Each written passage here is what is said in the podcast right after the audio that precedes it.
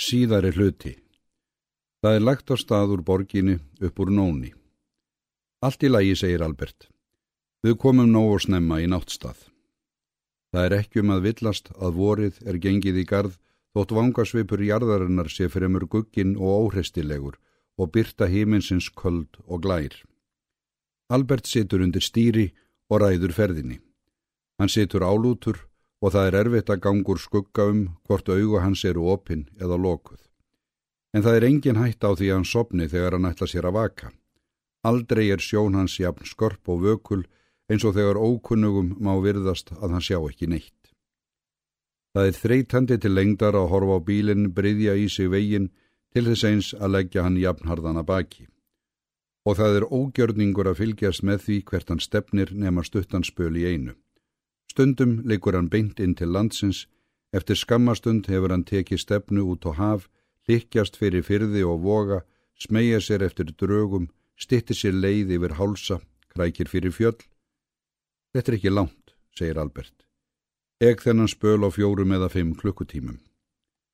Það fall ekki mörg orð og tilbreytingarlaust malið í vélinni er svæfandi til lengdar svo tíminn hættir að vera til um stund.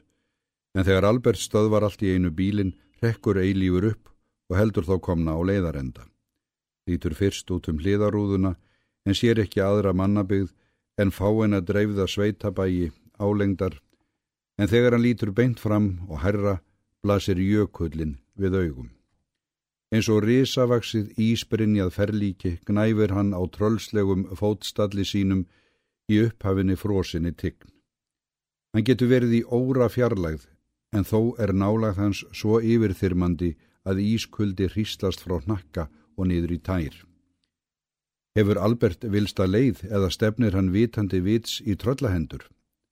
Það er næstum komið fram á varir eilífs að skipa honum að snúa við og fjarlægjast þetta klakatröll eins hratt og hjól geta snúist en honum tekst að býta þá skipun í sig áður en hún verður sögð með orðum. Albert situr þögull og horfir framundan sér. Í hug hans verður ekki lesið en að sveip hans verður ekki ráðið að honum standi ógn af klakaþursinum úti við sjóndildarhingin. Eilifur hristir af sér drungan og verður fyrir til að brjóta þagnarísin. Ég vissi ekki að þú ætlaði mér vist með tröllum. Við erum enþá í mennskara manna byggð, hansar Albert. Svo verður þögn og næst er það hann sem rýður á vaðið. Viltu svara einni spurningu? Ef ég á svar við henni, já. Þú getur látið það ógert ef þér finnst hún of nærgöngul. Þú skalt fá það svar sem ég veit sannast og réttast. Gott og vel. Varst að þú sjálfur sem ortir ljóðin, brotin og speikli ömmunar.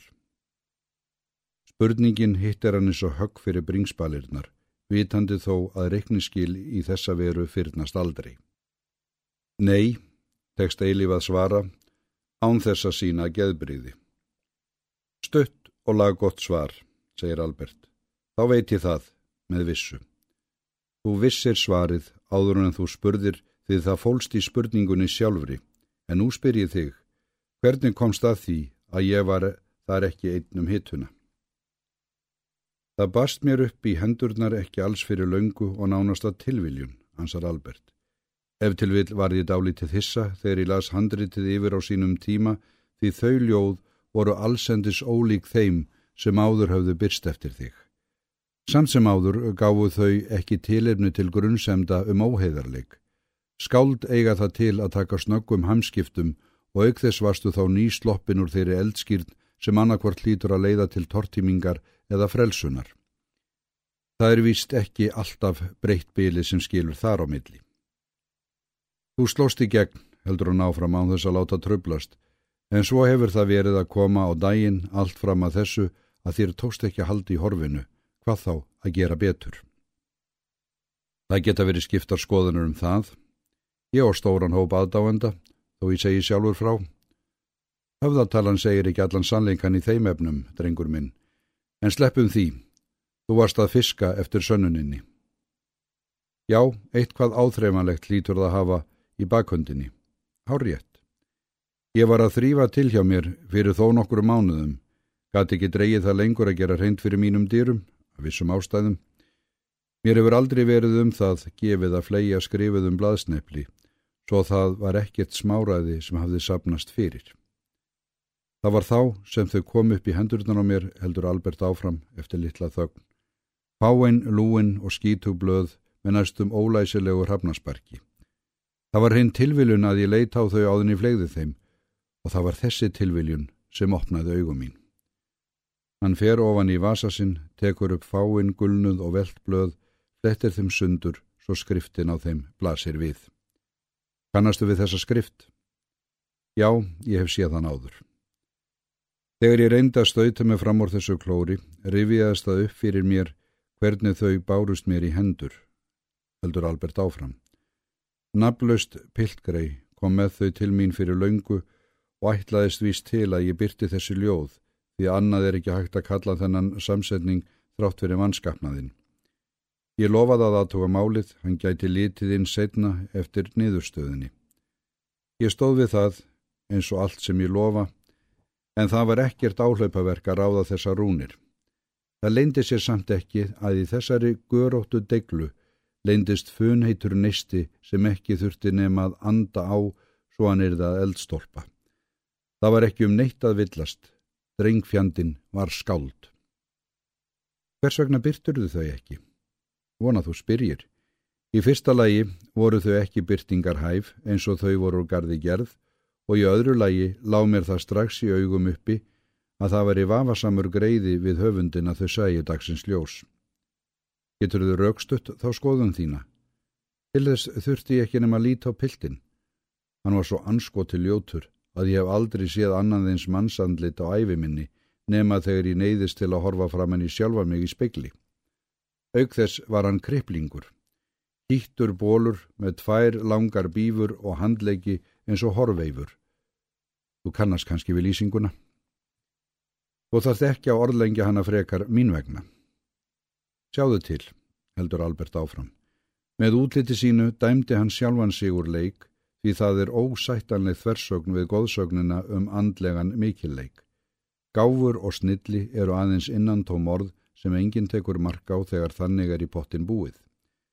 Til þess að hljóta viðurkenningu verður listaverkið að vera ímynd skapara síns fagurt og lítalust að ytra búningi.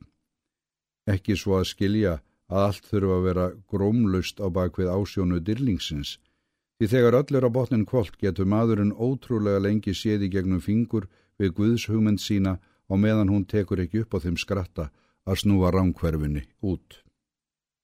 Mætti segja mér að þessi kenning sé farin að ganga sér til húðar.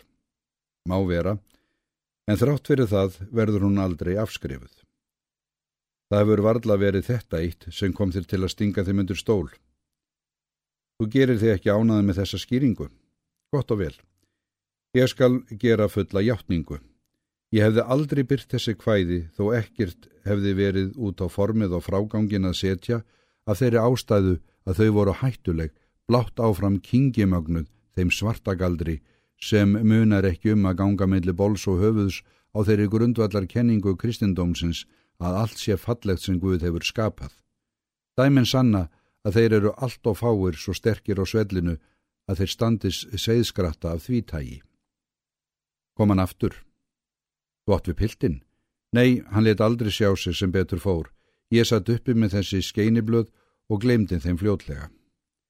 Varstu búin að rekast á þau kvöldi góða þegar þú heimsóttur mig fyrir nokkru mánuðum? Það var einmitt þann dag sem þau komi í leitirnar. Þú getur ráðstafað þessum blöðum eins og þeir best líkar, eigandi þeirra menn aldrei krefjast þeirra. Ef til vil áttu meira tilkall til þeirra en ég. Þó svo væri eru þau mér einski svirði. Þektur þann. Ég rakst á hann í París kom eftir stríðið, um kunningskap var ekki að ræða, en síður vináttu því öll okkar personuleg samskipti stóðu aðeins partur degi. Hann let mér eftir til geimslu bladasirpu sem hann kallaði sjálfur, brotur speikli ömmunar. Það fóst fyrir af lögmatum ástæðum að hann vitjaði þeirra því skömmu síðar fannst hræið af honum í signu. Þú verður svo að geta þér til um framhaldið í einstökum atriðum. Svo einfalt reiknistæmi ræði við ennþá, segir Albert. En þér skjáttlast ef þú heldur að ég sé hér í hlutverki ákærandans. Ég vildi aðeins fá að vita vissu mína í þessum öfnum, Anna var það ekki. Svo ræsir hann bílinn til að halda áfram ferðinni. Eitt augnablík, mér langar til að leggja fyrir því eina spurninga áðunum við höldum lengra. Látt hann að flakka, ansar Albert. Hvað var það sem kom þér til að veðja á mig eins og þú kallar það? Svarið lætu kannski ósennilega í eirum, ansar hann eftir litla þögn. Það voru ekki ljóðin sem þú komst með til mín þegar leiðir okkar mættust í fyrsta sinn sem réðu þar úslitum. Ég er ekki að segja að þau hafi verið forkastanleg. Það var ekkit sérstakt út af þau að setja, snoturlega unnin og ljóðuræn, trega blandin saknuður eftir blóm sem livði ekki veturinn af. Fallega orðu tragedía er æfinlega vinsæl. Með öðrum orðum, þau stóðust ekki mál. En samt sem áður tókstu áhættuna. Það voru byltingarljóðin þín sem riðu baggamennin, hansar Albert, rólega. Svarið er óvænt. Ef til vill erum að ræða missefnaða gamansemi að hálfu á eigin kostnað. Ef ég mann rétt hefur rýmuð byltingarpolítík aldrei átt upp á pattborði hjá þér. Orða sönnu, hansar hann þurrlega, en þegar öll er á botnin kvólt er ekki sama hver heldur á þeim og hvernig hann gerir sér mat úr þeim. Ég gróf upp allt sem ég vissi að hafði byrst eftir þig af því tægi. Kanski var ekki í þeim hveðskap snefill af listrænum skáldskap, en þrátt fyrir það var hann sannur í barnaskap sínum og óskeikju. Gott og vel, hugsaði ég með mér, ég veði á strákfjandan. Það kann að verða liðað honum réttu megin við línuna síðan hann gefið tækifæri. Þú gengur varla því grublandi lengur að þar veðjaði þú á vittlusan hest. Albert svarar ekki, stingur blöðunum lauslega í vasan og ekkur af stað. Eftir stuttanspöl er eins og tjald sé dreyið frá og landslægið breytur um svip. Ásarnir og hálsarnir draga sig í hlje svo lálendið fara auki svigrum og blasir við allt innað undirfjöllum jökulsins.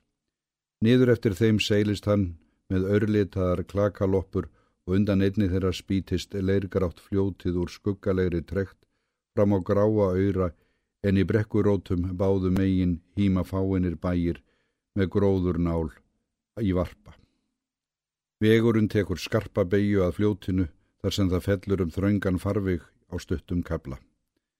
Það er brú yfir, en á lágum hjalla handan þess blasa við nýtískulegar byggingar og leggur gufustróka úr jörðu að baki þeirra. Hótel Kvíld. Albert stöðvar bílinn á miðri brunni, skrúvar niður rúðuna við hlið sér, dregur blöðin óhrjálegu upp úr vasa sínum, rýfur þau í agnir og dreifir þeim út yfir handriðið. Littla stund flögra þær umkomulausar yfir vatsborðinu, uns kolgrár flaumurinn sogar þær til sín. Svo spýtir hann í og ekkur hratt sneiðingin upp á hótelinu. Stöðvar bílinn á velsnirtu hlaðinu snarast út og tekur að týna úr honum farangurinn. Eilífur mjaka sér einni út orðin styrður af setunni. Í söma andrá opnast útidir húsins og kona stígur fram á hlaðið, réttir fram vel snirta hönd, kinnir sig, frökun geirþrúður hótelstýra og býður gest sinn velkomin. Tekur ekki gildar afsakanir í þá veru að hann valdi ónæði svona seint á degi, segir gesti sína velkomna hvena sem er á sólaringnum. Vikapiltur kemur í slóðhennar og snýs sér að því að koma hafurtaskinu í hús.